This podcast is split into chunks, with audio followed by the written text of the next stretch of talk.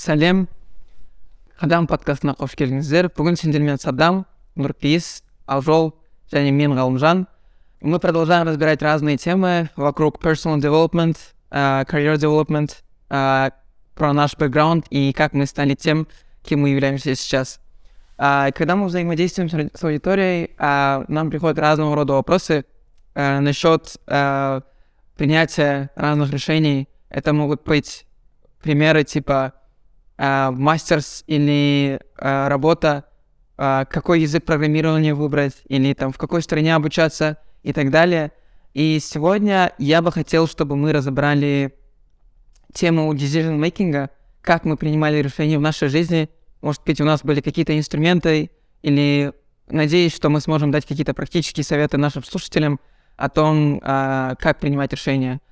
Вот. Э, и, наверное, самая а, такая первая тема, которая приходит в мою голову, это ам, принятие решения через наши сильные стороны. А, то есть часто так бывает, что в жизни мы пытаемся поменять какие-то наши стороны, а, нах- находим какие-то свои слабые стороны, пытаемся их поменять и как-то адаптируемся по ситуации. Но в жизни мы часто ну, не замечаем, что на самом деле у нас есть очень много а, сильных сторон, которым мы на самом деле должны пользоваться, они нам помогали по нашей жизни, в нашей жизни, и хорошо было бы опираться на них, когда мы делаем какие-то э, какие-то решения. А, вот, и э, первый вопрос для меня это э, как определить свои сильные стороны. Э, как вы думаете, есть, есть ли у вас какие-то практические советы э, или инструменты, как, как вы это делали? Э, Например, я точно знаю, что есть... Эм, я, я сам использовал два теста, которые называются... Один называется System Personalities. Это MBTI-тест, который тебя э, делит, э, группирует людей на 16 разных э, типов личности э, и э, определяет там какие-то общие паттерны между людьми. Типа, э, это могут быть э, твои стресс, weaknesses, э, может быть, какие-то советы по, э, не знаю, по карьере или как ты ведешь себя на, на рабочем месте и так далее. А, вот. А, второй тест, который я знаю, это Gallup-тест, который я тоже, тоже проходил. А, это тест, в котором определяются 34 а, сильные стороны человека, и а, они, он упоряд, упорядоч, упорядочивает их а, по а, сначала сильные, топ, там, топ-5, топ-10, и самые слабые они в конце. А, вот. А, в целом, если вам интересно, я могу рассказать про эти тесты. А, или, или можем разобрать вот первый вопрос, как, как, как вы делали так, как вы определяли mm-hmm. свои сильные стороны. Э, я могу также сказать то, что э, с одной стороны э, я также использовал, как и ты, Gallup тесты, а, вообще, как контекст, а, два года назад, а, во время ковида, весной я брал предмет в университете по leadership, называется University Leadership Course, где мы читали книгу в начале, которая называется Strengths-Based Leadership, от которой вот именно вышел этот тест Галлы, да? И после того, как мы, прочитали эту книгу э, и, в общем, делали какие-то практические, там, не знаю, проекты, и э, с учителями общались, с разными э, лидерами из индустрии общались, профессор хотел нам показать то, что в основном все лидеры, они успешны, потому что они умеют как-то определять свои сильные стороны и определять сильные стороны других людей, то есть людей, которые работают под ними и дают возможность. Иногда ты можешь быть крутым, не знаю, технарем, но не очень крутым продуктным менеджером. И многие люди просто из-за эго, не знаю, чтобы доказать другим, просто стараются быть и продукт-менеджером, и технарем. Но, допустим, лидеры, которые очень быстро растут, они определяют то, что да, я не умею хорошо стратегически думать, поэтому давай я другого человека найму, и он будет этим заниматься, а я буду этим, э, что-то другое делать. И вот я лично также прошел тест, как и ты, Галлуп. Uh, и этот тест, мне кажется, он лично для меня был намного лучше, чем вот этот MBTI тест. потому что он в деталях, как ты уже сказал, там 34 personalities, и каждый personality был специфически про меня, потому что там очень-очень много вопросов mm. было. И, например, вот а, там топ-5 strengths, а, strategic thinking, learner, achiever, и самый шок это был типа для меня релейтера. Я об этом вообще не думал. Но в то же время я понял то, что используя этот strength, я могу наводить очень хорошие отношения, допустим, с людьми. И, во-первых, не строить там профессиональные отношения, а прям очень хорошие отношения через близкие там uh, through relating to your friend you can actually build strong relationship. Поэтому uh, вот после того, как я этот тест прошел, я понял то, что я должен, uh, не знаю, использовать этот strength намного больше. Uh, и практически каждый день ну, старался, по крайней мере, в прошлом, и сейчас, мне кажется, это уже как habit использовать вот, вот этот strength.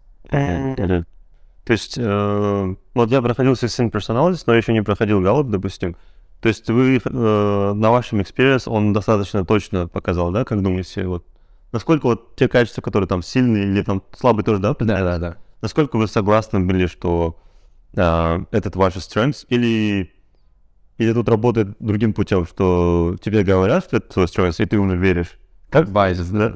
Как bias или, или именно вот ты увидел такой, да, вот это мои точно, а вот, вот это мои точно? Или как в вашем случае это было?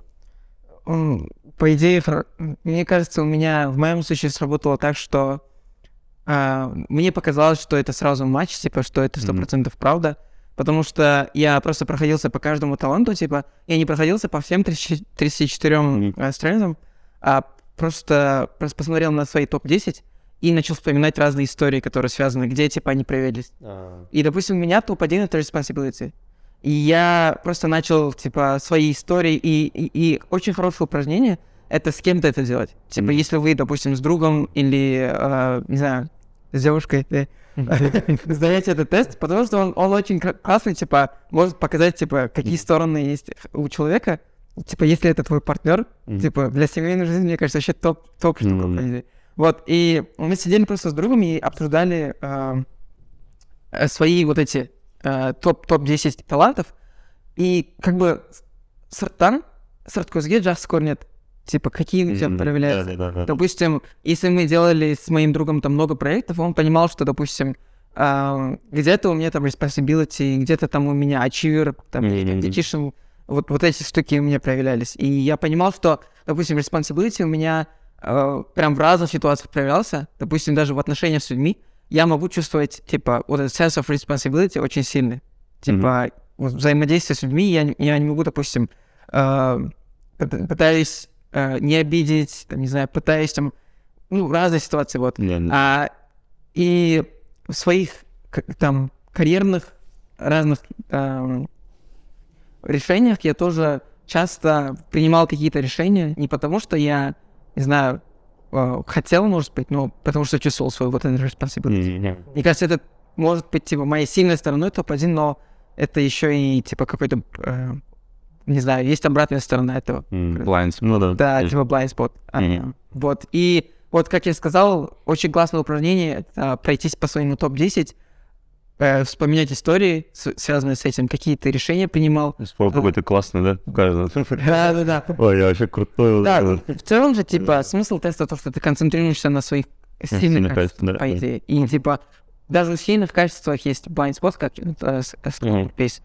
А, а и, и в целом у них такая философия, что, типа, эм, как, как, я, как, как я помню, вот основатель этого теста Дон Клифтон, он сказал, типа, а, ты можешь а, твои, ты можешь а, исправлять свои слабые стороны, а, ты можешь исправлять свои слабые стороны до посредственности, но свои сильные стороны ты можешь, типа, uh, developить до infinity, короче. Yeah, да. Yeah.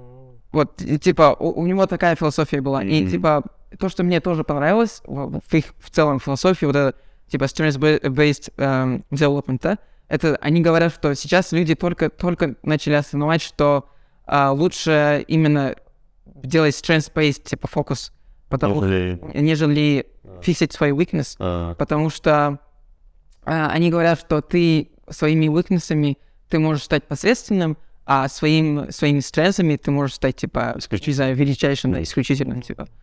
Вот, и мне понравилась эта философия, и э, мне кажется, это очень крутой, типа, в целом, какой-то фреймворк, чтобы э, фокусироваться на просто положительных вещах, которые у тебя есть, а не на отрицательных, негативных. И, ну, типа, это прям такой, мне кажется, он фиксит очень много mental, типа, ментальных проблем. Мне кажется, еще, да, тут э, почему это может помочь? В том плане, что ты, когда э, чувствуешь, что ты силен в чем-то, оно еще довольно придает, мне кажется, тебе уверенности, да? И ты, э, наверное, чем больше прокачиваешь свои сильные стороны, тем более ты уверенным в целом становишься.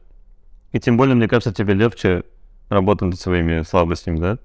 И, ну, то есть в целом вот твое развитие, э, я даже не знаю, с чем тут провести сравнение, но как будто это логично даже, да, со стороны м, моральной, если вот смотреть, ментальность.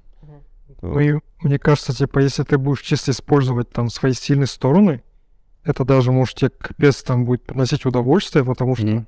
в работе ты не будешь там встречать резистанс, да, типа, Мгм. то у тебя что-то не получается, потому что ты там э, очень плохо работаешь там в команде, или там ты не ачивер, или не релейтер там.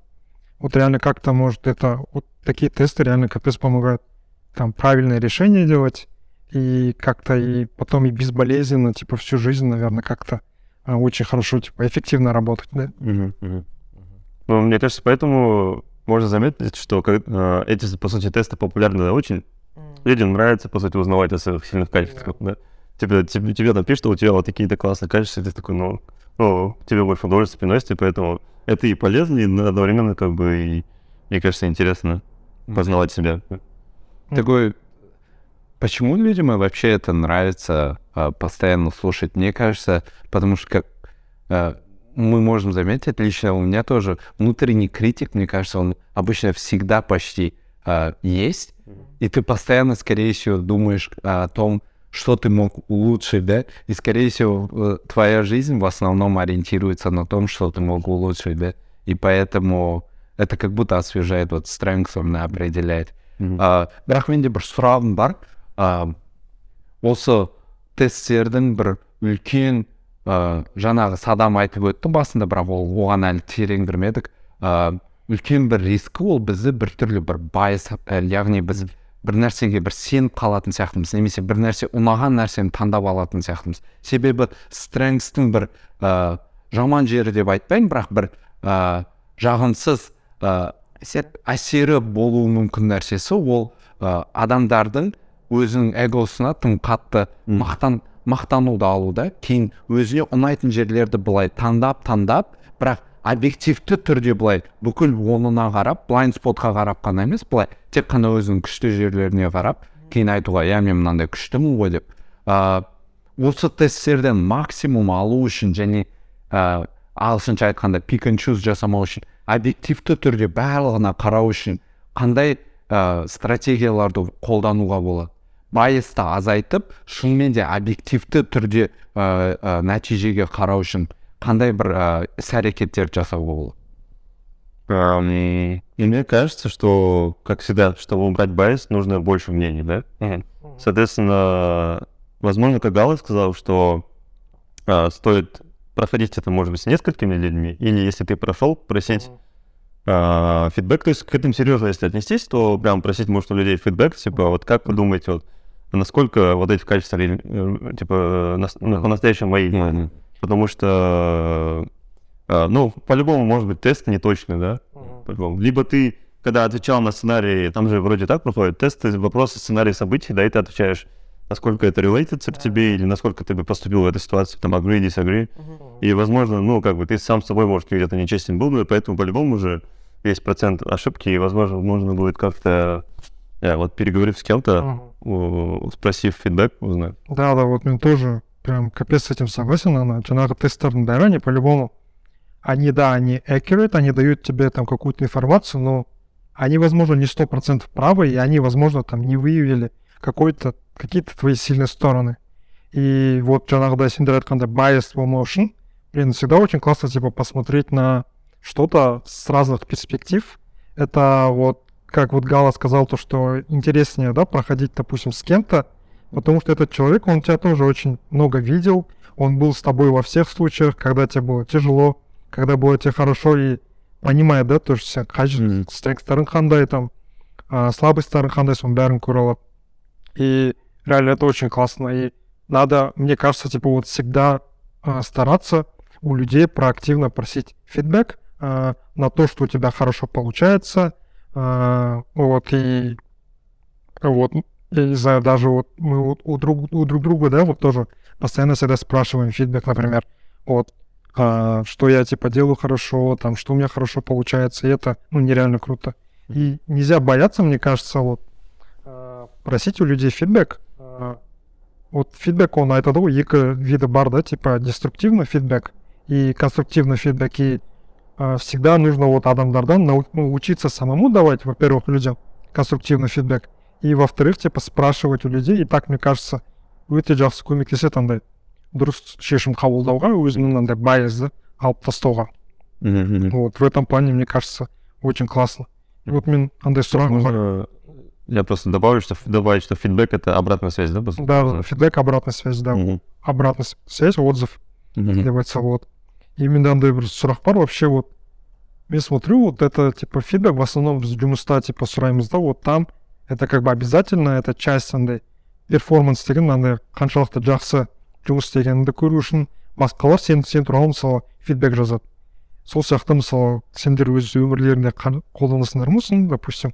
біреуден барып фидбэк сұрау там сондайды насколько часто это вообще в вашей жизни встречается или применяется Мгм. Э, Вообще, прежде чем про это сказать, я, э, вот то, что э, Гала э, рассказывал же насчет strengths, мы вообще начали от того, что вот есть какие-то фреймворки, есть тесты, да. Одна вещь, то, что вот MBTI, он обычно бесплатный, можно пройти в интернете, а Gallup, он платный. То есть нужны какие-то ресурсы, и он относительно не, не дешевый, да? Сколько там? Да, ее доллар, примерно 50 долларов. Ну вот почему не. И поэтому нужна какая-то инвестиция, и это может быть блокером. Поэтому вообще классно то, что вот Авжол начал только что тему. Вообще э, узнать strengths не обязательно проходить какие-то тесты. И можно оказаться тоже друзьями, да, как бесплатный фидбэк Да, бесплатный тенге стоит. Ну, мне, кажется, я вот хотел сэкономить, ты помните, начал эту тему спрашивать фидбэки. Я, я доб- добавлю еще про этот. Да, а, да, на какой-то бр... Типа, как, пол... что... как сделать так, чтобы полностью взять, да, типа, чтобы не зазнаться, там, эго, чтобы не Мгм. понять. Мне кажется, чуть-чуть в голове должна быть, э, типа, доля критицизма, короче, к- по отношению к этим тестам, потому что я знаю историю, где чу- чувак называл три раза Гэллоп, короче, и три раза у него разные результаты вышли. Потому что human factor ворот, типа, он может отвечать так, как ему хочется, а не как на самом деле есть, типа. Мгм. Там же, ну, типа, вопросы, они простые, ты можешь ответить так, как ты реально чувствуешься, как, так, как ты делал бы, а ты можешь отвечать как лучше, короче, как, как бы ты хотел, короче. Вот, и мне кажется, вот это частая ошибка такая. Вот поэтому надо критисайзинг как минимум себя, типа, свои ответы, типа, ты, ты реально так отвечал или ты так хотел ответить, короче? Понятно. Типа андай болуы мүмкін ғой допустим сұрақ насколько ты оверворкаешь и ты такой да я типа хочу выбрать максимальный ответ я очень много или у каждого может быть по-разному ода байс болуы мүмкін что для него оверворкать например для него это может быть там 5 часов и он считает что это так для кого-то по-другому это вот тоже очень много зависит от человека там все равно вот лучше бір сорсов емес там как-то 6-7 сорсов адамдардан сұрап алты источниктан солардың бәрін как-то салыстырып солай бір жақсы шешімдер жасау керек И вообще тебя нагадывает, он Галлов, допустим, он платный, а MBTI, MBTI он а, бесплатный, да? А, допустим, я заметил то, что когда я первый раз MBTI сдавал, это в школе было, и тогда у меня была такая тенденция, когда я вот сдавал тест, немного типа, кем я хочу быть, и вопросы типа так отвечал. Но так как галлопқа мен өзімнің ақшамды қойдым уже ол кезде мен іштей өзіме айттым бәрібір оны ешкім оқымайды ол. Мен үшін уни- университетте маған уже ондай ой, ой кел- келді да сенің өмірің сенің қандай екенін сенен басқа ешкімге керек емес сондықтан мен ақшамды қойдым. Оның үстіне ә, қазіргі таңда ә, сол тестті өтіп жатырмын ол өзім үшін ғой. Сондықтан мен шын, шынымен былай шынымен сұрақтарға ә, жауап беруге тырыстым да. Со- сондықтан ә, даже осы тесттерді өткендегі бір үлкен сен айтып өткен кеңесің өте маңызды. Ә, сен қандай болғың келеді емес сен қазіргі таңда қандайсың деген сұраққа шынымен жауап беруге тырысу керек ол қиын оның мен ә, мен айтпаймын менде ол жеңіл болады дегенде бірақ жалпы оның анау мағынасы сен үшін көбірек болады нәтижесі пайдалы болады. Біреуге андай мақтану үшін көрсететін зат емес қой ол чисто өзіңе ғана. Иә. Көресің там бір жері дұрыс емес так осы жерді түзеу керек келесі жолы деп. Сөйтіп сөйтіп сөйтіп үйренеміз. Бірақ та андай фидбек біз айтып отырмыз жаңа андай жақсы жақтарды да мысалы білу деген сияқты. Бірақ негізі андай уикнесқа өзіміздің осал жақтарымызға мүмкін тоже андай фокус жасау керек шығар мысалы. Ыыы мысалы бір осал жақтар там не знаю самый андай жеңіл пример там ыыы ленивый деген сияқты или бір нәрсені көп ұмыта бересің. Мысалы егер сен бір какой то бір успешный адам болғың келсе мүмкін ол саған ыыы сен ол мысалы ыыы уикнесті сен просто так қалдыра алмайсың. Олармен мүмкін жұмыс істеп оны одан как то ыыы құтылып онымен иә вот оған да мүмкін уикнесқа да как то фокус жасау керек шығар деп мен де ойлаймын да андай чисто стреңс қана емес бірақ уикнесқа да қарап. И бәр, бәріміз андай адам баласымыз бәріміздің прям мініміз бар. мініміз толып жатыр бәрімізде. Просто содан қорықпау керек. М, и содан қашпау керек мне кажется ең главный бар ғой вот. Мықты жақ деп и анадан қашып ол тоже может дұрыс емес шығар.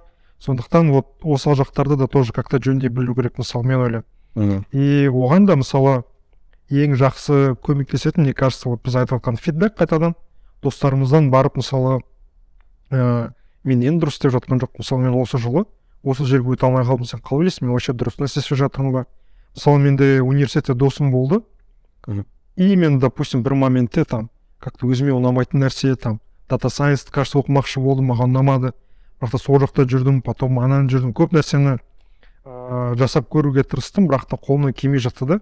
Бір уақытта досым маған айтады ей ақжол сен немен андай вообще халявить етіп жүрсің ғой? дейді да маған сен. А неге? Сабақтан кейін неге бүйтпейсің неге сөйтпейсің? деп маған мен даже фидбек сұраған жоқпын ол маған жақын досым болғандықтан да ол маған өзі берді да. Маған вот ол кезде мен ойлаймын тоже маған нереально повезло то что мен даже фидбек сұрамасам да маған досым өзі соны байқап маған беріп көмектесті да и наверное я бы смог получить больше фидбэк если бы я был больше проактивный Просил, спрашивал. да, вот проактивно и не боялся получать этот фидбэк. Мгм. Вообще нужно уметь правильно, типа, слушать этот фидбэк. Біреу саған айтып жатқан кезде андай Мгм. білейін деп өйстіп андай жынданбай вот түсініп то что ол адам саған фидбэкті сен жақсы болсын деп беріп Мгм. жатқан Мгм. и также ә, давать фидбэк типа адамның мотивациясын түсірмей Вот сен осы жолы осылап жақсы, жақсы жасадың. Бірақ келесі жолы осы нәрсені одан да жақсырақ жасасаң сен мүмкін болашақта саған там өте қатты көмегі тиеді дегендей бар ғой. Мысалы даже біздің подкастқа қарасақ біз осы подкастты қалай бастағанымызға менде сондай бір фидбэк наверное бергім келеді. Да біз мысалы подкастты бастағанда мүмкін басында бір көбірек ұзақ тұрып қалдық бір жерде мысалы андай блокерлар бар ғой блокерлардың там мәнін көтеріп жібердік та мүмкін. Сол бізге қате еткен шығар өздерің қалай ойлайсыңдар мысалы сондай? Бір бірімізге қандай фидбэк бере аламыз мысалы? Өмірде там қалай ойлайсыңдар? Жалпы сен айтқан ә, сөздермен ә, келісемін. Ә, соңғы айтып өткен фидбэкің ә, объективті түрде дұрыс деп ойлаймын. Барлығымыз оны ә, біз шынымызды айтсақ осы жайлы екі күн бұрын сөйлескенбіз. Отырып барлығымыз бірге ә, және байқадық. Иә бәріміз дұрыс тез қимылдап жатқан жоқпыз. Fast fail fast емес бізде. Ә, көбінесе біз ә, жоспарлап қойдық. Бірақ шын мәнінде іске келгенде біз әлі оны іске асырмадық. Ә, жалпы осындай фидбэк беруді ә, төртеуміздің арамызда өте комфортты қылған. Ең алғаш мысалы осы адам болды. Ә, осыдан бір алты жеті ай бұрын да ә, біз ә, бәріміз борнмутқа барған едік. Ә, сол жайлы бір ә, жалпы өзің садам айтып өткің келе ма типа қалай вообще оған келдің? Және сен осы осындай вайб осындай фидбэкқа ә, лайықты бір вайб және комфортты жасай алдың. Ә, және о- себебі біз қазіргі айтып отқан фидбэкті біз айта аламыз да бірақ менің ойымша тыңдармандарға жалпы сол контекст өте пайдалы болатын сияқты. Мгм. А, Ну, я дам немного контекста, наверное, что мы примерно в какой-то трип поехали, да, в Бонбут вроде на этот, а, на пляж, да, и там пробыли два дня. А, Ну, не только четвером, там побольше нас было, где-то что, 15, наверное. Те, кто с нами вместе работает, наши знакомые хорошие. И так получилось, что мы в одной комнате, да, оказались. Там было две такие, как, не знаю, Как в общаге. в общаге, да. Э, Две кровати двухэтажные. Противоположные, да. И э, ну вот, и почему-то у меня тогда было какое-то желание как-то э, изнутри э, как-то развиться, что ли, саморазвиться, поработать над какими-то личными качествами, именно почему-то в коммуникейшенами с людьми. А, вроде все было хорошо, я бы не сказал, что там у меня проблемы были там, с друзьями или там еще что-то, ну, вроде как бы максимально я сам экстраверт и social, но хотел как-то поработать над тем, чтобы отношения были более качественными, и я как человек э, в отношениях, чтобы м, типа не был toxic или как и при- при- приносил пользу и типа и остальным и себе, да. И, возможно, были, я не помню точно какие-то ситуации, где мне казалось, что, может, я себя веду ну, как-то, как мне не нравится. И, не знаю, мне показалось, что у нас в целом разговоры были достаточно открытые и сейф, что если я спрошу фидбэк, то мне просто так не накидает там просто так, короче, минусов, да, не, не по фактам. И, и там какая-то такая атмосфера получилась, что мне кажется, я пришел, что окей, ну я начну, может, тут сразу уже. И сразу помню, кажется, Азол уже спал, но Нурпис и Гала еще не спали, и мы начали, я там начал спрашивать, что там какие-то, может, специфик ситуации именно в общении или там... Потому что еще, мне кажется, э, мы с вами знакомы были как раз и не, не так давно, что у вас был фреш, э, типа, э, фреш фидбэк, типа, вот, вы увидели, два месяца знали меня, и если, допустим, вы еще с другого окружения же, типа, насколько у вас а, там, не, знаю, не принято делать так, как я делаю, допустим, вот мы же только Байза не было. новую society, как у нас такой новый, да, был. Байса не было, да. И, и, и мне кажется, как раз это очень хорошо э, получилось в плане, что, ну вот я спросил, и там вы уже начали накидывать, я такой, «А, нифига, я настолько, оказывается, фиговый, да, Бля, чтобы один нормально там было, ну потом strengths тоже покрыли вроде. Там какой-то использовали структуру, типа стресс говорили, да? Типа Да, да. один... А сначала strengths, да? Или сэндвич что-то такое мы делали, типа... Да, Ну, короче, это не только была критика, да? Мы говорили, какие мы сильные стороны за последние два месяца заметили, и какие слабые. Да, да, да. Вот мы сделали так, потом уже про каждую, кажется, про напис и про галу сделали, да? про Азол тоже сделали, да. Слал, ты тут... А теперь...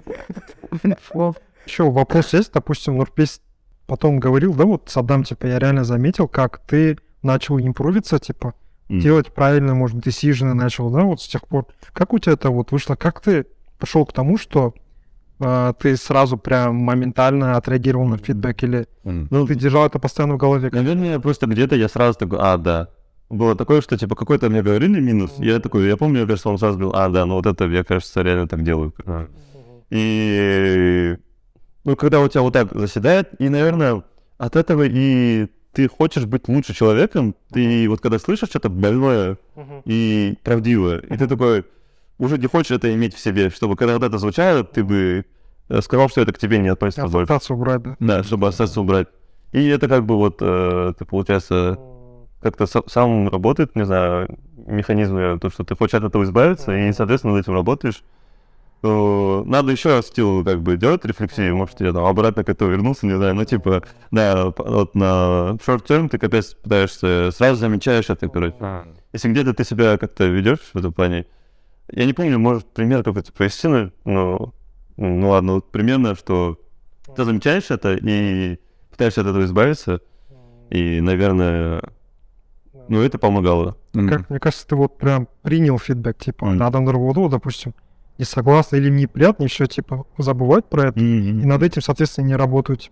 Да. Ты это принял и начал над этим работать, типа, это капец четко, мне Мгм. кажется. У меня вот такой вопрос. эм, Мы же каждому из вас, потом Акжолу тоже, когда Мгм. Акжол проснулся, ну, в следующий день, через месяц, что ли, мы Акжолу тоже, помню, фидбэк дали от- отдельный. Ам, И у каждому из нас мы, по идее, дали такой немного сильный негатив фидбэк тоже. И честно, я э, вообще не спрашивал у вас э, этот вопрос и хотел узнать, как вы вообще чувствовали в моменте тогда, когда вам про именно ваш weakness, то есть ваши какие-то слабости говорили. Вот честно признайтесь, как вы чувствовали в том моменте? Ам, ну, я достаточно себя хорошо чувствовал в том плане, что для меня было важно, что это, наверное, safe space. Потому что где твой weakness говорят при людях, которые, наверное, тебе не близки, или даже те же самые люди, но environment сейчас не такой, чтобы говорить safe, а поугарать, посмеяться, и тогда, кажется, мом- момент не совсем правильный будет, потому что кто-то может подшутить над тобой, и там, и это неправильный момент, когда, наверное, делить. Это не фидбэк, это унижение. Это уже, да, это уже какое-то правда, токсикография. Да, ну, типа, да. Но, типа, в... Если вот сейф, environment, там, не знаю, когда ты чувствуешь, что сейчас вы можете откровенно поговорить, и э, там больше при, ни при ком это не обсуждать, и в жизни не обсуждать, просто забыть. То есть, ну, кроме тебя, чтобы... э, то есть, если сейчас ты разрешаешь в свою сторону все слышать плохое, то в обычной жизни ты, ты, ты не хотел, чтобы тебе просто потом, да, э, просто так говорили, вот Садам, ты что такой-то, короче. Э, ну и, и вот когда safe space, мне кажется, мне было достаточно вполне удобно. Я знаю, что я сам спросил, и что меня не просто так обзывают, да, а еще, еще подкрепляют какими-то моментами, фактами жизни, то такой, ну, наоборот, классно. Вот ты вначале, может, так воспринимаешь, а вот чуть-чуть время там, проходит, ты уже в голове это анализируешь, как-то рефлексируешь, реально там свои сценарии события вспоминаешь, и уже, наоборот, приятнее становится, что... Потому что если ты это не услышал, ты бы дальше себя так вел, короче. Да. И уже чуть-чуть даже такое становится, типа, блин, я так делал, а сейчас вот я осознал, и мне услышал, и мне уже не хочется так делать. Ну, наверное, не было как-то плохо точно в этот момент. А, Гала, ты как в этом моменте именно вот вспомни прям момент, когда ты сказали, вот у тебя такой минус, а, как ты прям в том моменте чувствовал? Мне кажется, я... Ну, первое, что приходит, это сопротивление. Ну, типа, ты сопротивляешься, и ты не веришь, что это и есть проблема, типа. И, ну, мы же, типа... Ну, я лично такой, что у тебя какие-то могут быть привычки, и пока тебе не скажут, что это, типа, ты, ты даже можешь не замечать, что это привычка. Типа, э, самое первое, это вот спотнуть, типа, это взять фидбэк, что это правильно или неправильно, и только потом ты начинаешь осознавать и более осознанно эти вещи делать, типа, Мгм. делать или не делать. Вот, и когда я а, принял такой, ну, типа, нега- негативный фидбэк, мне кажется, у меня было сопротивление, и я а, не понимал, почему это неправильно, потому что по моей логике, по моему, как бы, восприятию вообще всего мира, вначале, ну, типа, будет казаться, что это, типа, нормальная вещь, да. Вот, и, на- наверное, вот первое, что я почувствовал, это сопротивление. Понятно, понятно. А желтый как почувствовал именно в моменте? Ну, в моменте я, наверное, был очень согласен, типа, с этим фидбэком, и прям, не знаю, я нереально кайфанул. Мгм. А, Допустим, какие моменты был фидбэк, допустим, про который я сам, типа, не понимал, и, наверное, думал, что, типа, это нормально, но, типа, так делать, но мне потом, типа, сказали, что, возможно, типа, я должен немного где-то расслабиться, там, что-то сделать. -то.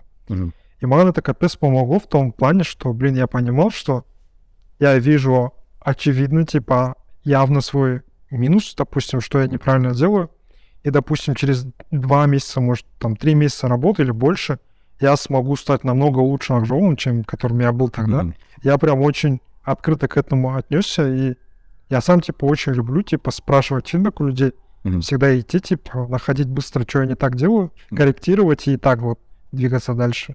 Вот Понятно. я прям с кайфом, по идее, отнесся. Мгм, Понятно. Ам, честно говоря, вот э, когда мы первый раз фидбэки делали, э, там, мне кажется, два фидбэка было насчет э, э, моего weakness. Ам, и первый я, по крайней мере, знал. Я интуитивно чувствовал то, что это является каким-то weakness, и это надо реально по-настоящему а, по-настоящему как-то улучшать. Поэтому мне было приятно это слышать, как вы уже говорили, такое чувство, то, что да, я могу над этим работать.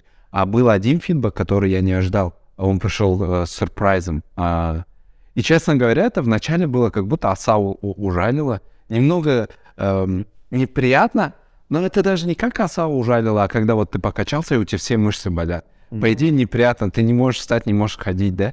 Но понимаешь, что, что в долгосрочном это, скорее всего, хорошо. Эта боль э, как-то хорошо повлияет на тебя.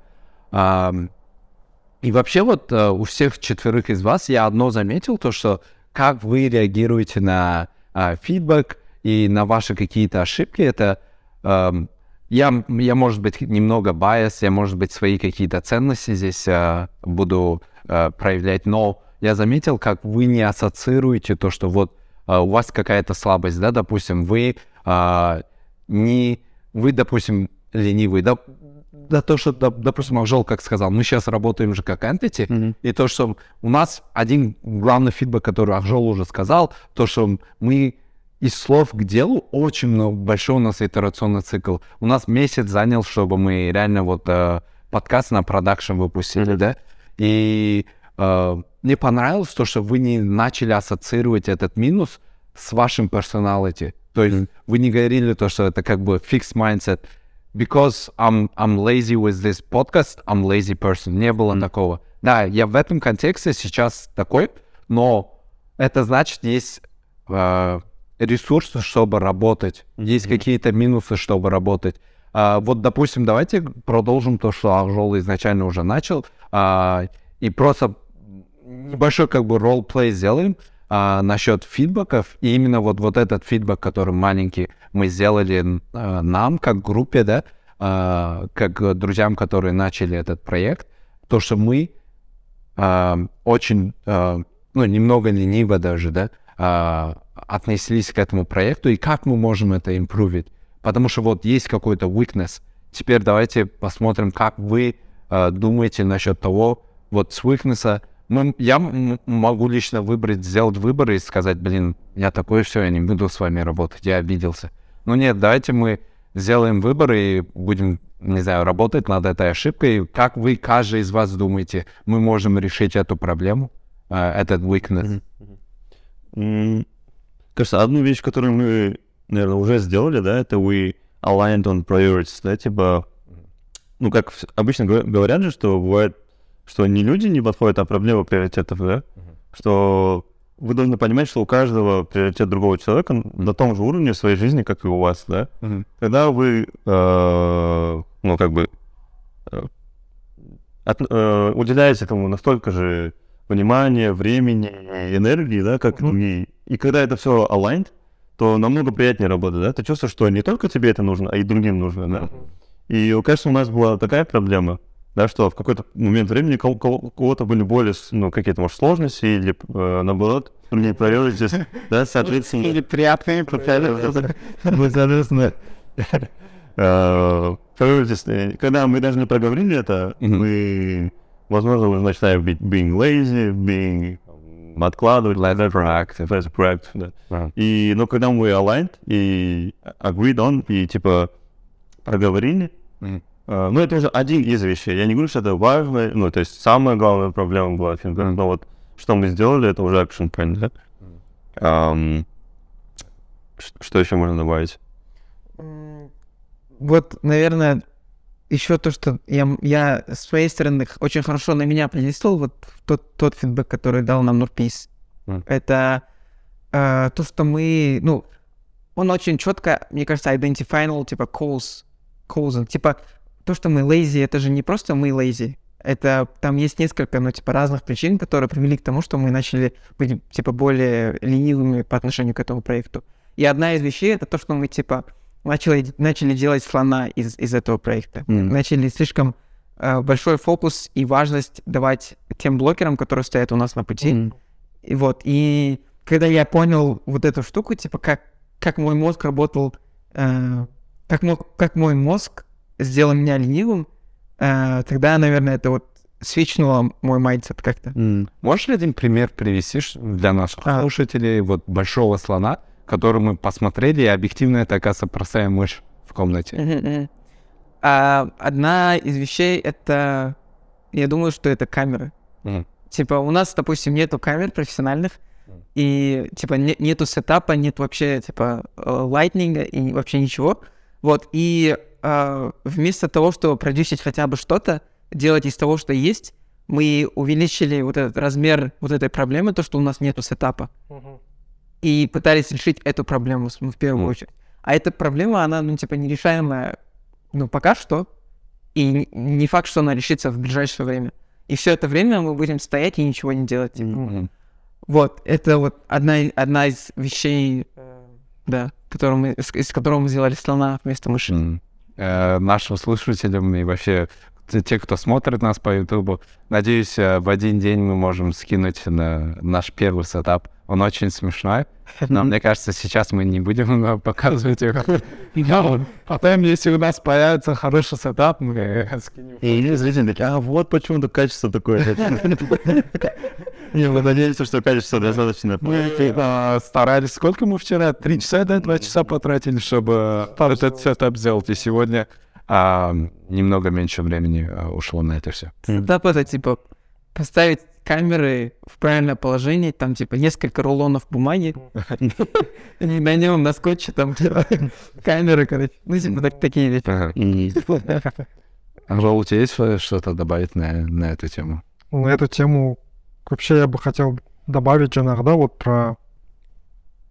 Вообще нужно быть типа agile, да, вот что на сайт ханды, по-быстрому получить фидбэк, там по-быстрому что-то сделать. Мгм. Блокер ворма, допустим, камеры нет, да? Ладно, типа возьми на телефон сними там. Или камеры если вообще нет, давай сделай вообще аудио подкаст первый. типа. Как-то так быстро фидбэк получить о контенте и как-то что-то двигаться. Это быстро-быстро типа. То есть fail fast, да? Fail fast, короче. Мгм. Понятно, Мгм. понятно.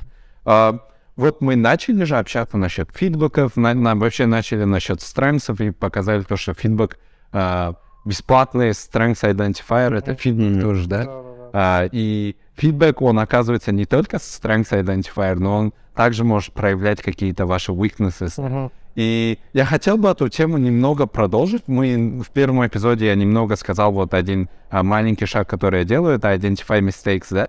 А, и хотел бы узнать вообще, а, как каждый из вас а, находит какие-то ваши ошибки.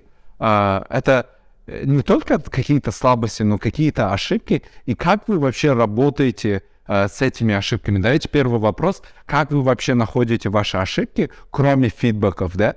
И как вы находили, может, не только на работе, да, как в университете вы работали с ошибками. Э, Прежде чем как работать ошибками, важная часть это же э, определение ошибок. То есть как, какой фреймворк, какие системы вы использовали, чтобы понять, о, я здесь ошибаюсь. Вот это, оказывается, я не понимаю эту тему. Как вы это делали? Ну, Кажется, в этом плане очень помогают метрики какие-то, да, допустим, на работе. Ты смотришь, допустим, ну, есть метрика, там, дедлайны какие-то.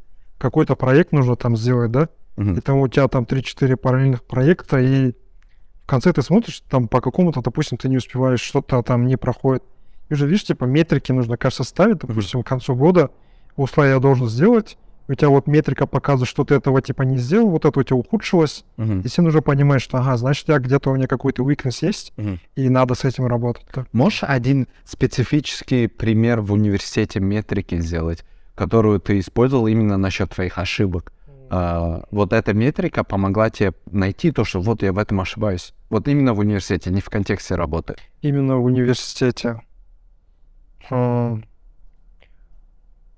наверное, было во время где-то второго курса, там, третьего курса, что ли, я начал замечать то, что, ну, опять это вот окружение, да, там все проходят на всякие стажировки, там на всякие интерншипы, Google, Мета и все такое. Я смотрю, типа, у меня такого, типа, метрика у меня ноль, да, короче. Метрик, у них есть какие-то цифры, вот они проходят сюда, используя те знания, которые они получили в универе, на хакатонах, а у меня, типа, такого не было. Я понял, блин, наверное, мне тоже нужно как-то начать подаваться, типа, я недостаточно проактивен, а, недостаточно серьезно к этому отнесся и не учел важность этого ДНД. Начал тоже резюме сюда его. Давай я буду больше проактивным, больше буду подаваться, Мгм. больше буду задач решать там и все такое. И как-то все это, типа, смог Мгм. его применить. Круто, круто. Мгм. Вы голоса там есть что добавить? Да, я соглашусь, наверное, что описывает это, то, что когда ну, ты понимаешь, что ты делаешь какие-то ошибки или ошибаешься в чем-то, когда ты не видишь результата, или видишь результат у других, да, а, кто, возможно, делает что-то по-другому, и ты понимаешь, что maybe I need to switch my thinking, to switch my actions, или там, и, соответственно, делать что-то по-другому. Мне кажется, вот, э, наверное, вот что тут помогает, это не быть усколомым, да, смотреть вокруг, М. да, с- наверное, тут еще помогает не только на людей смотреть, а возможно, да, также слушать подкасты, да, Мгм. э, читать, не знаю, книги или в целом фильмы смотреть, чтобы у тебя кругозор как-то а, был шире, и ты как-то релейтился к, э, к другим людям. Потому что тут не только ошибки, а даже и weaknesses можно идентифицировать. Когда ты смотришь, что кто-то чем-то занимается, ты понимаешь, что а, а ты этим не занимаешься. И ты начинаешь думать, а, ну не, не зря же этот человек это делает. Типа, он для чего-то это делает. Именно если слушать и смотреть на там, мыслящих и там, амбициозных людей, можно, э, кажется, во всех их действиях находить reasoning, да, типа, для чего они это делают. И если э, ты можешь идентифицировать его reasoning, его цели, что совпадает с твоими, наверное, можно понять, что вот этот э, путь, он, э, наверное, какой-то верный, какой-то правильный, если есть результат, да? А твой, э, потому что сложно оценить в данный момент, когда вот ты делаешь decision, да, или что ты делаешь, ошибочный он или правильный, да? Но если вот э, смотреть на других людей, на другие ситуации, события и там э, слушать э, разные моменты, то можно, кажется, уже плюс-минус понять, насколько ошибочная ситуация, э, в ошибочном пути ты находишься или наоборот. Мне кажется, вот это, э, да, то, что как раз, возможно, релейтится к тому, что Алжал сказал. Да, круто. То, что вы оба сказали, вообще классно. То есть определять сигналы, да, и потом из этих сигналов посмотреть, у меня вообще проявляется ли этот сигнал или не проявляется. То есть у тебя это результат, а у тебя это, это метрики, да? То есть а, вообще определите как, какой-то вот, что вы хотите, какой сигнал вы хотите получить. Допустим, это может быть тесты, да? Сколько баллов вы получили, и сразу посмотреть по каждым темам, да, сколько было. Или вот сигналы, как э, Садам уже сказал, от других людей. Почему у них получается, они оба в- одном дирекшене идут, да? Ты и он, либо ты и она, да? И, но у него что-то больше, да? То есть есть какой-то сигнал, который у тебя нету, да? Да. Понятно, понятно. Э, Гала, что? Я думаю, они, ну, типа, все рассказали, то, что я согласен со всем. Круто, круто. А, мне кажется, в, в общем, вот ам, на этом можно подытожить тему вот именно а, ошибок, ваших weaknesses. Самое главное, это изначально не ассоциировать. Вот вы, каждый из нас делает какие-то ошибки, каждый из нас будет делать это каждый день. Самое главное, это не ассоциировать себя с ошибкой. То есть из-за того, что вы провалились, вы не являетесь фейлером. То есть одну книгу, которую я вам посоветую, это называется книга Mindset. И там, в общем, говорится о том, что а, очень много проблем в том, а, чтобы иметь growth mindset, это в том, что вы начинаете ассоциировать себя с вашими фейлерами. Нет, так как вы двигаетесь, это вы делаете ошибку. Если бы вы вообще не двигались бы, у вас вообще вы бы идеальным были бы. Нет. Так у вас вообще ошибок не было бы. Но а, так как вы двигаетесь, вы должны делать ошибки и не и просто думать о том, как можно работать. Вот как вы уже сказали, вот, вот эту метрику как-то оптимизировать, вот этот сигнал да, взять как-то и, и сделать что-то. Но самое главное, не впадайте в дыру, где вы будете думать, блин, я такой провал, так как у меня а, по тесту по последние, не знаю, 10 месяцев по 50 баллов. Да, типа, твои, типа, mistakes, они не равны weakness, по идее. да? Типа, они не показатель того, что ты всегда будешь такие мистейки совершать. Да. Мгм. Ты можешь измениться. Да. Эм, Да, ну вот мы как раз э, затронули эту тему э, и полностью почти покрыли, ну, не полностью, конечно, но очень хорошо покрыли, что как э, самому работать над собой, как identify strengths, weaknesses, как понимать, как вот этот внутренний thinking процесс должен работать, да, ну или как относительно нас, как он нам помогает работать. А вот я бы еще хотел задеть тему того, как можно, насколько external factor может э, помогать э, вашему growth, вашему развитию в, э, в доби- добиваться ваших целей, да? Допустим, э, менторство, да? Э, насколько вот э, человек, который будет постоянно тебя гайдить, возможно, как-то своим опытом или своими советами вам помогать, э, насколько вы думаете, что это помогает вот во всем этом, именно в саморазвитии, э, в decision making и именно добиваться своих целей? Какой ваш взгляд? А, и да, прежде чем как про это говорить, мне кажется, менторство это вообще очень модное слово да, Мгм. сейчас. Да, да. А, И вообще, что такое для вас менторство? И Мгм. вообще, просто очень много вещей же, там есть программы, Мгм. но есть вообще концепт менторства. Что такое для вас вообще менторство, прежде чем как мы перейдем к этому? Мгм. Для меня этот человек, которого, типа, есть похожий опыт, который Мгм. проходил через похожий путь и жизненный опыт, там, жұмыс істеген сол сферада, и который готов, там, поделиться своими знаниями, делать других людей лучше.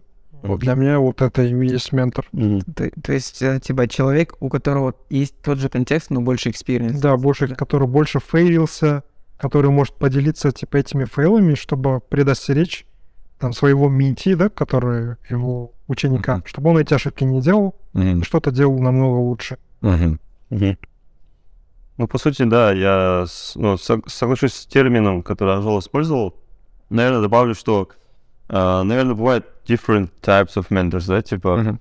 ам, в большинстве, как будто сейчас а, есть различные менторы в определенных сферах, да. Мгм. То есть, если ты учишься, у тебя есть какой-то ментор, который тебя гайдит, чтобы ты лучше учился, чтобы Мгм. твоя, твоя учеба к чему-то вела, может, Мгм. какой-то а, ментор, который... Это обычно может быть старшекурсник, который прошел через то же самое, что ты делаешь, и как-то тебя гайдит, там, как approach таски и так далее. Либо career ментор, да, типа, кто помогает тебе там, добиваться успеха в карьере и так далее. Но мне кажется, еще есть полинг, глубоко какой-то Да, типа. life mentor, да, который, эм, к которому ты можешь прислушаться и который помогает вот именно вот такие вещи, да, тебе решать, делать тебе твои decisions в жизни, помогает тебе улучшаться как человеку. И, э, ну вот, наверное, немножко, если добавить. Да, я думаю, типа, в разных ситуациях можно... э, ну, допустим, в моем... э, в моей жизни я не помню так... н- Не так много моментов, когда я обозначал кого-то как ментора. Но сейчас я просто вспоминаю про людей, которые очень сильно на меня повлияли, чему-то меня научили. и Я понимаю, что в разных аспектах жизни они были моими менторами. Если, типа, пример приводить, то, допустим, мой брат, э, допустим, сиг- допустим, мен кішкентай кезімде сегізінші класста оқу кезде а, брат меня а, приучил, можно сказать, к спорту. Мгм. И вот именно в спортивном спорт жағынан он был моим ментором, потому что Мгм. помогал, мотивировал, может быть, где-то какие-то советы давал. Вот и а, уже, уже в высокие лет, ты понимаешь, я, я понял вот э, важность ментора и м, осознал э, то, что я- мне нужен ментор, это, наверное, на работе. Когда, допустим, разные проблемы болады, э, әртүрлі проблемаларға кездесесің, саған тезірек үйрену керек, оқу керек. сондай моментте мен бір адамды ментор ретінде таңдап, ол маған өзінің менти ретінде э, там, э, өзінің как сказать, ученик э, ретінде қарап, маған өзінің советтерін беретін сондай адам керек болды. Вот, и ол, типа, чисто жұмыстың несін қамтиды да, жұмыстағы ә, жұмыстың контекстін қамтиды. М, күшті күшті. Сонда сендердің айт, сен- айтып отқандарың осы садам сенің айтып отқаның ам, ментордың бүкіл өмірді ә, өмірлік ментор болғаны маңызды емес иә сен. Бірақ дайменшнда яғни өмірдің бірақ жағында ғана ментор болса мысалы ә, спорт немесе ә, жұмыс иә тек қана профессионалды сол проектпен ғана ментор болса ол да ментор деп саналады иә. Себебі ол сені ә, а нүктесінен б нүктесіне дейін Мгм. тезірек жетуге ә, бір үлесін қосатын сияқты иә. Себебі олар жаңағы ақжол айтып өткендей өздерінің қатесімен бөлісе тұрып айтады ғой ә, басқалардың қателерін арқылы үйренуді. Сен уже білесің ондай ә, тастарға баспауға және сен өзіңнің жаңа қателерін жасайсың да. Ба- жаңа бір обстаклдар жаңа бір блокерларды көресің. Иә мен де сендермен ә, жалпы келісемін ә, менің ә, бір оп оңай ә, менторым ә, ментор деген кім дегенде? Мен үшін ментор деген сенен бір екі қадам алдыға адам. Ә, немесе кейде өмірлік ментор деген мен үшін сенен бір екі қадам ғана емес он қадам жиырма қадам алдында себебі ол сенің өміріне тек қана бір ә, бірінші этаждан қарай алмайды. Ол мысалы eagle eye view типа құстың құстың деңгейінен былай үстінен қарап саған былай айта алады да. Себебі оның өмірлік тәжірибесі ақжол айтып өткендей өмірлік қателері сенен мың есе көбірек. Тек екі үш есе көбірек емес мысалы жұмыстағы проекттегі ол әшейін бір не екі қадамға үлкен ы, ментор дұрыс па? Ал өмірлік ментор ол жалпы жүз мың қадамға көбірек адам сияқты. Вот э, как раз Гава начал уже, рассказал про свой э, опыт именно со стороны менти, да? Можете ли вы, может, когда поделиться в вашем опыте? Были ли какие-то, э, ну, ваши, э, может быть, личные жизненные менторы, а может быть, вот именно в определенных сферах, вот, вот именно, которые, как э, Нурпи сказала, на один, два, три шага впереди вас, да, которые были, помогали вам вот с точки А в точку Б прыгать? Или, либо вот, может, у вас есть и имеется до сих пор жизненный ментор, который вас гайдит, направляет, и э, есть ли у вас или было? А, мен бір мысалды айтып өте аламын. А, менің өмірімде а, жалпы былай а, отбасым ол мен үшін былай үлкен лайф ментор сияқты әке шешем бірақ а, отбасымнан сырт ондай лайф ментор әлі өмірімде болмаған. Бірақ а, мысалы а, осы жақындағы жұмыста менің а, проектімде бір анық менторым болды. Ол осы проектті бірге қалай а нүктесінен б нүктесіне дейін жеткізуге маған көмектесті. Және мен көп жаңа дағдыларды мысалы iOS-ті мүлде білмедім. Ә, осы алты ай бұрын ба жеті ай бұрын ба командаға қосылдым. Ол кезде мүлде білмедім. Бірақ сол ментор арқылы мен бір аптаның ішінде бір айлық нәрсені тез үйрендім да яғни мен сол кезде сол ә, бір екі қадам алдыдағы менторымның құнын түсіндім. Ол мені сол кезде бір а нүктесінен iOS білмегеннен iOS пен ә, жақсы түрде код жазуды ә, үйреткен адам емес ә, былай ағылшынша гайд ә, қазақша немесе орысша қалай болады? Наставление или... э, На- направление больше направление беріп тұрған адам болды. Және ол каталист сияқты болды да маған реакцияны тезірек жүруге көмегін берді. То есть без него ты бы дольше, да, это делал? Дольше я бы писал? сделал бы то же Да, тоже сделал бы, но... но дольше. намного дольше да где-то Мгм. на 4 недели а, то есть бір апта versus төрт төрт апта. То есть ол мені төрт есе тезірек ә, қимылдауға өзінің үлесін берді. Менде өмірімде наверное тоже отбасымнан тыс прям ментор болмады ұзақ уақыт андай лайф ментор дейді ғой иә менде вот жаңағы ғалымжан айтып кеткендей менде ағам болды.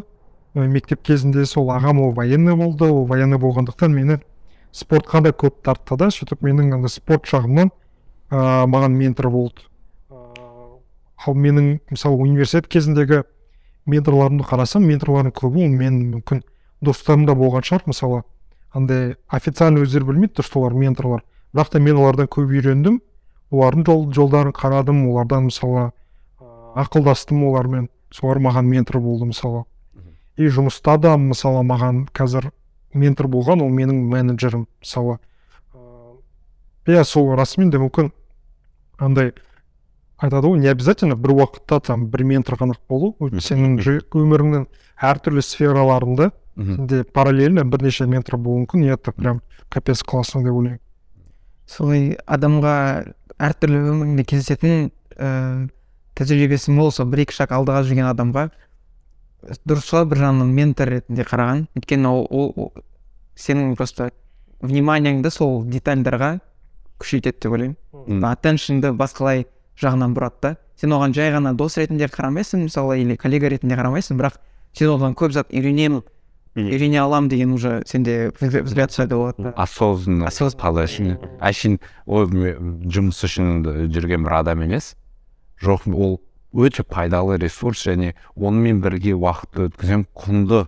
Және оны құрметпен көбірек құрметпен қарайсың және құрметпен болған әрбір қарым қатынас және біздің достығымыз болсын иә.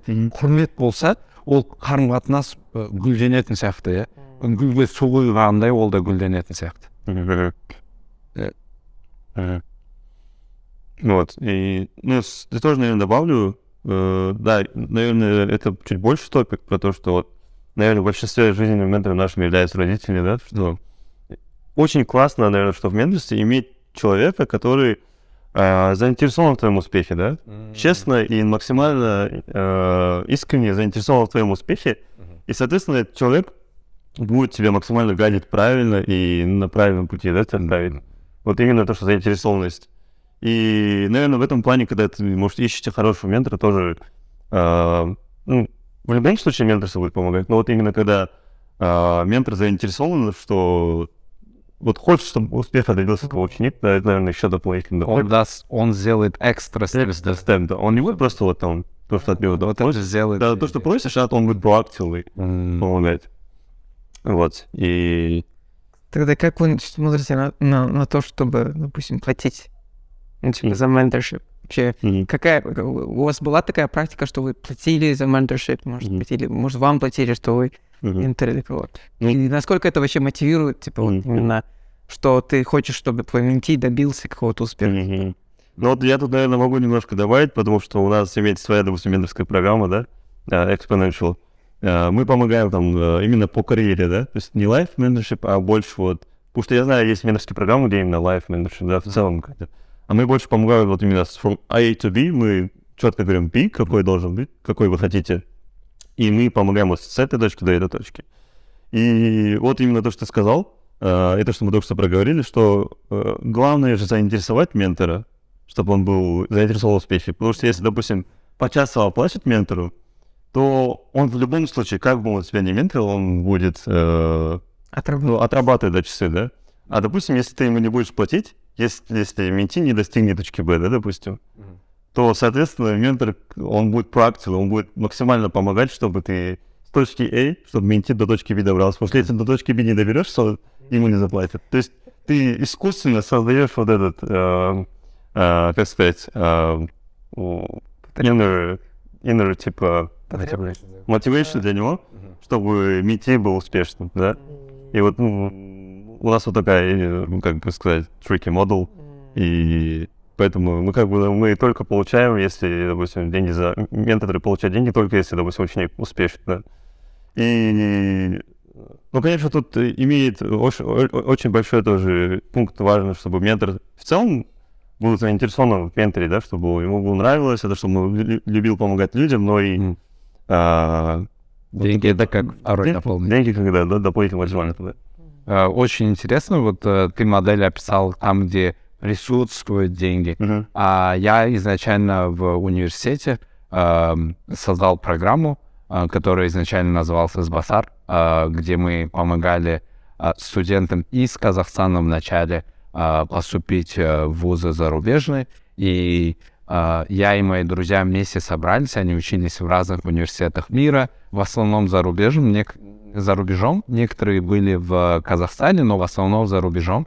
И они именно ученикам 11-12 класса, то есть в казахской, с- казахстанской системе это 10 и 11, в нише это 11 и 12, мы помогали бесплатно, то есть еженедельно каждый ментор... Вначале мы от- отобрали очень мотивированных студентов и отобрали очень мотивированных менторов. То есть там а, было изначально от студентов выходило от менти, то есть Мгм. и от менторов выходило желание помочь, дать. Это в основном вначале были казахстанцы, которые, которые хотели как-то дать обратно а, нашим, нашей стране и нашим а, жителям, потому что каждый из нас, у каждого из нас какая-то история, то, что мы из-за того, что из-за Казахстана, из-за а, доверия казахстанцев как-то достигли каких-то целей, и каждый из нас хотел как-то дать обратно, а то, что мы умеем хорошо, это, допустим, поступать в университет. То есть мы два года назад поступили, то есть это ментор первого типа, как мы описали, с точки А, точка Б э, дойти.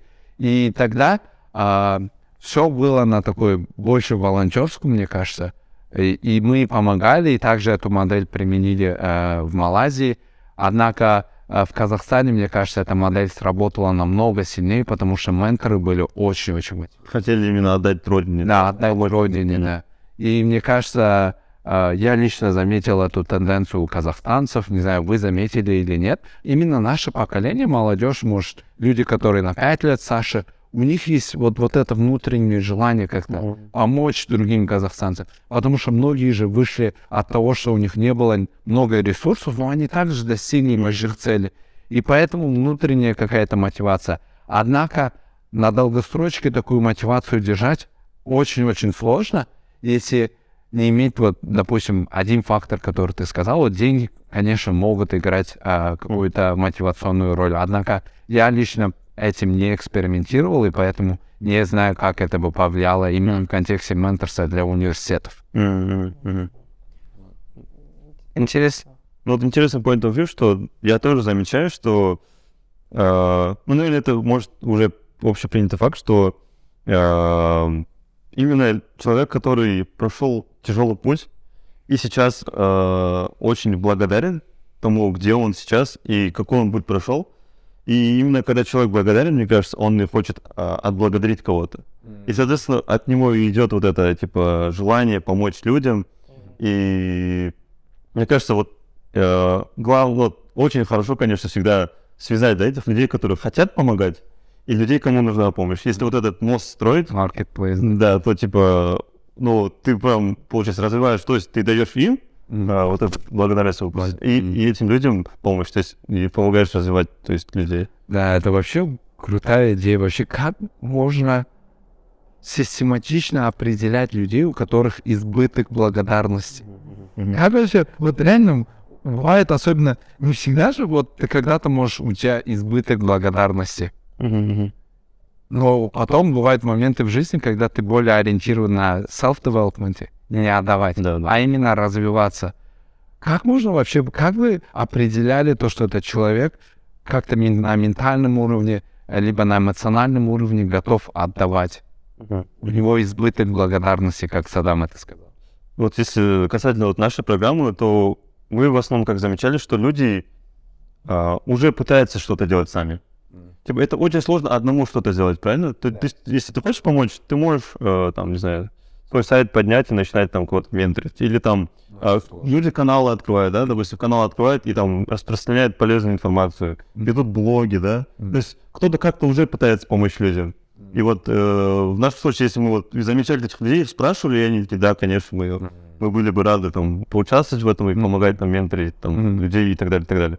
Мне кажется, вот э, по-любому тот, кто благодарен человек, он уже как-то какие-то Начинает есть Принимает. действия, да, когда-то. да. Понятно, понятно. А вы как вы думаете? Да, я думаю, что проявляется по-любому. Э, Если человек очень благодарен, и он хочет, он, он как-то это проявляет, я думаю. Э, Но в целом, вот, интересная теория. Я вот всегда думал, что э, эм, что концентрироваться только на себе, концентрироваться только на том, чтобы брать, и в этот момент параллельно не отдавать, это как будто деструктивно для меня. М. И как будто отдача, она всегда идет, типа, как э, какая-то, какой-то процесс, когда есть, ну, типа, энергообмен, короче. Типа, ты отдаешь, и ты получаешь. Закон сохранения энергии, да? Если Да. ты берешь, тогда я давай. Да-да-да, типа, и мне, мне казалось, что рост невозможен без, без этой отдачи.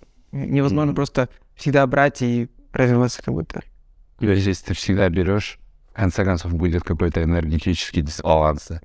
Ну и всегда приятно же, когда, типа, вот ты сам научился, и арттағы балаларға мүмкін там те кто только начинают и солармен шерить они еще дальше с кем-то ну типа эффект цепочки да вот Мгм. типа тоже намного приятнее Ой, мне кажется это и тоже есть у менторов типа как мотивация ретінде может быть Мгм. Да. Вот то, что ты только что затронул, это внутренне как будто помогает ментору самому, да? да А, Через менторство. Ам, Да, вообще я с тобой согласен, тоже в жизни заметил то, что помогая другим, вот недавно на работе было, я что-то объяснял, и у нас какой-то learning session был, я должен был, по идее, бо- побольше research а сделать. То есть я был ментором и инженером для других инженеров, чтобы объяснить какую-то техническую тему. Я, оказывается, что-то не знал.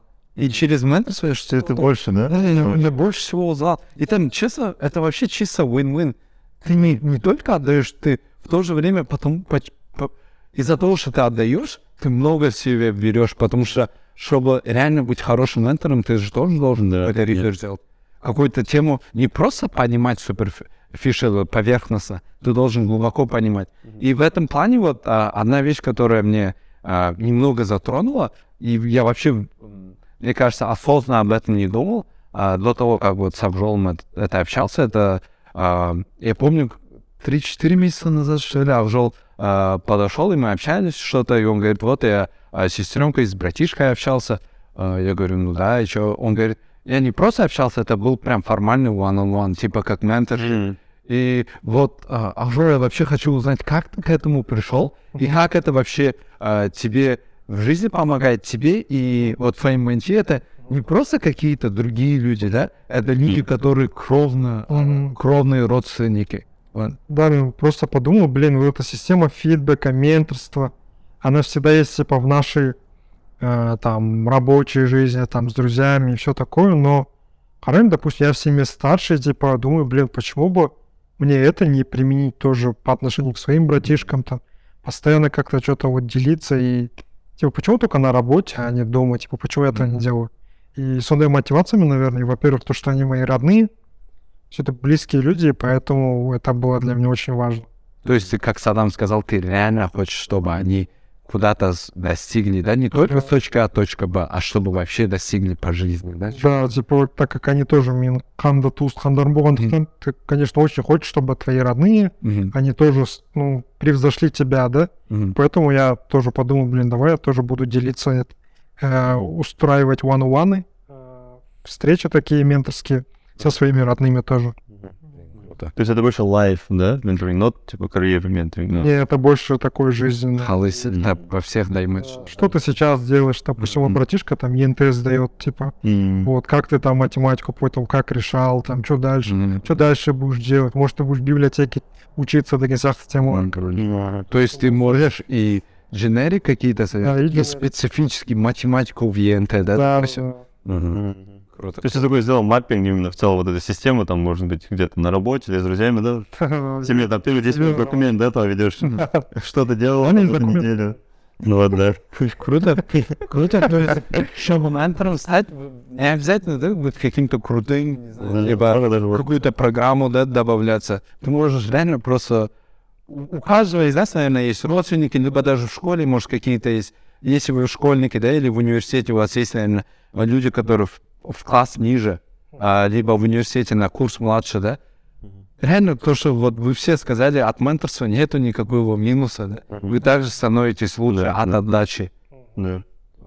Я вот тоже заметил, что вот похоже на твой случай, что вот уже года сколько, полтора или два менторю, и это мне помогает тоже быть on top of like my uh, state. Типа, сохранять, допустим, я менторю, там, задачки объясняю или там про карьеру говорю, я сам по- по- замечаю, что это у меня всегда в голове крутится, что я задачки, допустим, не забываю алгоритмически, хотя я в работе мы же не применяем. То есть, то есть это у тебя тут остается, и ты я, всегда остаешься как бы одновременно и а, релевантным, и да, и ты знаешь, что вообще в мире там происходит. То есть Тренд. то, что ты делаешь, тренды, то, что ты этой, а, то, что ты чему, чему учишь, ты этому и сам учишься. Мгм.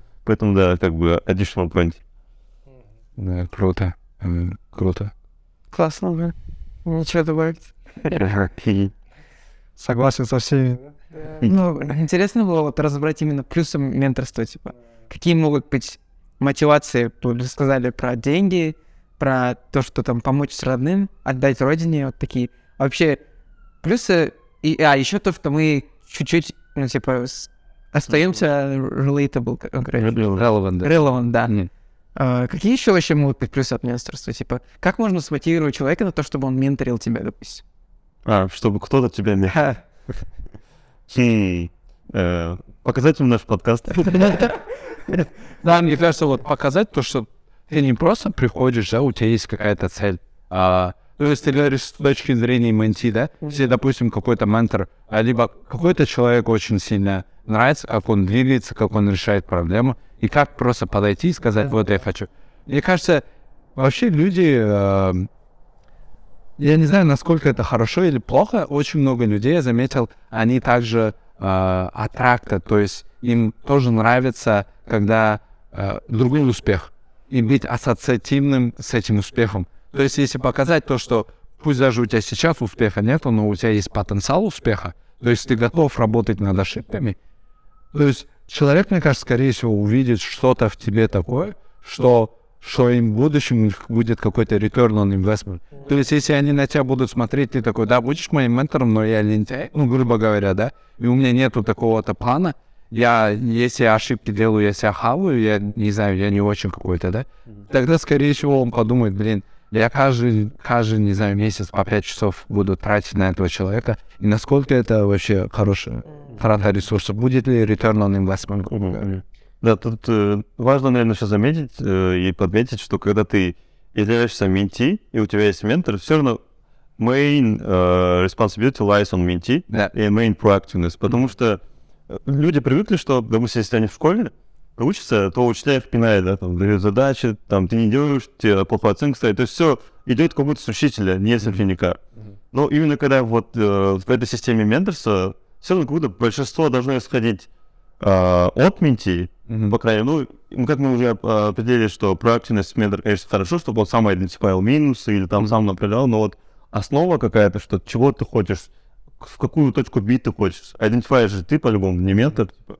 И вот э, надо не забывать, что даже если у вас есть ментор, то все вот работа над собой, это все делается именно тобой, а тебе советует и направляет. да. Да, да, даже э, иногда я вот заметил в менторстве, я, допустим, менторил людей, и некоторые были проактивные, и некоторые вообще не проактивные.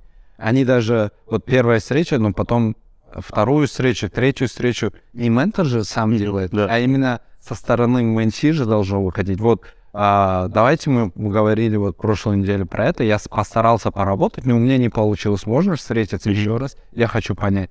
То есть я согласен с тобой, а, очень многое должно выходить с менти.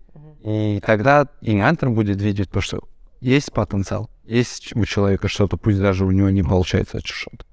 Мне вот интересно такой, типа, вопрос. Типа, как попросить менторство у Илона Маска, да, например? Чтобы он тебя поменторил. Я не знаю. Мне кажется, такие люди менторят, может, очень... э, если как-то их зацепить. Да, да, да. И да, ш- Что-то нужно сделать не, э, не неадекватно, а необычное, да?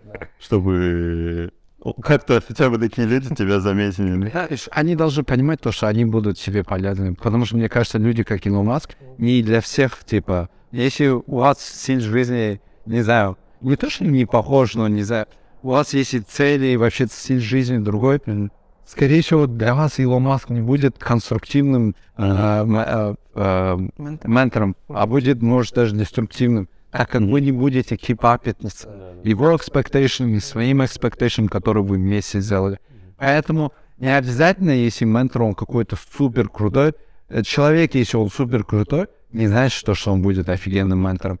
Я вот вообще вот согласен, то, что Садам вначале сказал. Лучший ментор, мне кажется, это ментор, который cares. Ментор, который по-настоящему хочет, чтобы ты саксиднул. Не обязательно то, что у них дофига title. Э, Бывает же мем, где э, офицеры Северной Кореи дофига там этот... э, там медали, да, медали. Э, Нет, не обязательно. Самое главное, вот мне кажется, это внутренний care. И, конечно, чтобы у него был какой-то опыт ошибок, опыт э, в работе с точки А на точку. Б, да. Это, да, жизненный ментор. Да. Еще, наверное, стоит добавить то, что, наверное, с, например, с моей личной точки зрения, лучший ментор будет тот, кто твой путь прошел недавно, чем тот, кто прошел его там давно. Свежее, да. Потому что, о, даже Илон Маск, если ты, допустим, в школе учишься, чем Илон Маск тебе поможет? Он даже не помнит, наверное, как он учился, какие decisions он делал в школе. А если вот взять э, кого-то, кто со школы поступил в очень крутой университет, он, у него, наверное, вот это- он, он вот только недавно это делал, он вот только что прошел этот путь на 2-3 шага впереди тебя, вот он, наверное, будет максимально подходящий ментор в, в данной ситуации, да, чем, допустим, тот же самый Илон Маск. Который близок к тебе, да, как? Да, да, еще, может, какой-то общий имеет бэкграунд, да. Понятно. Да, но вот, вот этот фреймворк именно про по life ментору не сильно, да, подходит. А, ну, life ментор, мне кажется, главный критерий, это критерий, который мы уже много раз обсуждали. Человек реально хочет, чтобы вы holistically, то есть объективно по всем параметрам развивались и реально росли. Им нравится, им их мотивирует то, что вы растете. Вот. А, мне кажется, мы можем уже подытожить этот эпизод подкаста. А, для меня лично он был а, очень полезным. Я узнал очень много разных перспектив у вас. И мне кажется, мы хорошо раскрыли тему вначале про а, сильные стороны, как мы можем это определить через тесты, потом а, как мы можем определить через других людей не только сильные стороны, но и слабые стороны, и потом как работать, работать над этими слабыми сторонами. И в конце, мне кажется, вообще крутое общение было насчет а, external factors, то есть за вами то, что есть, и как использовать менторство для вашего роста, и как ментор может использовать для роста менти и для своего роста. А, и а, сонда айтқымыз келгені ә, егер бір сұрақтарыңыз болса қандай да бір мәселелер жайлы қандай да бір қонақтарды біздің подкастымызда көргілеріңіз келсе а, астына комментарий тастап немесе біздің ә, инстаграм аккаунтымызға ә, бос уақытты жаза аласыздар біз бүкілін ә, биода қалдырамыз ә, бізбен ә, осы подкастты тыңдап ә, бүкіл ә, ой өрістеріңізді ә, бізбен бөліскендеріңіз үшін алғысымыз шексіз. Келесі кездескенше. Рахмет. Рахмет. Подписка, лайк, там, все дела.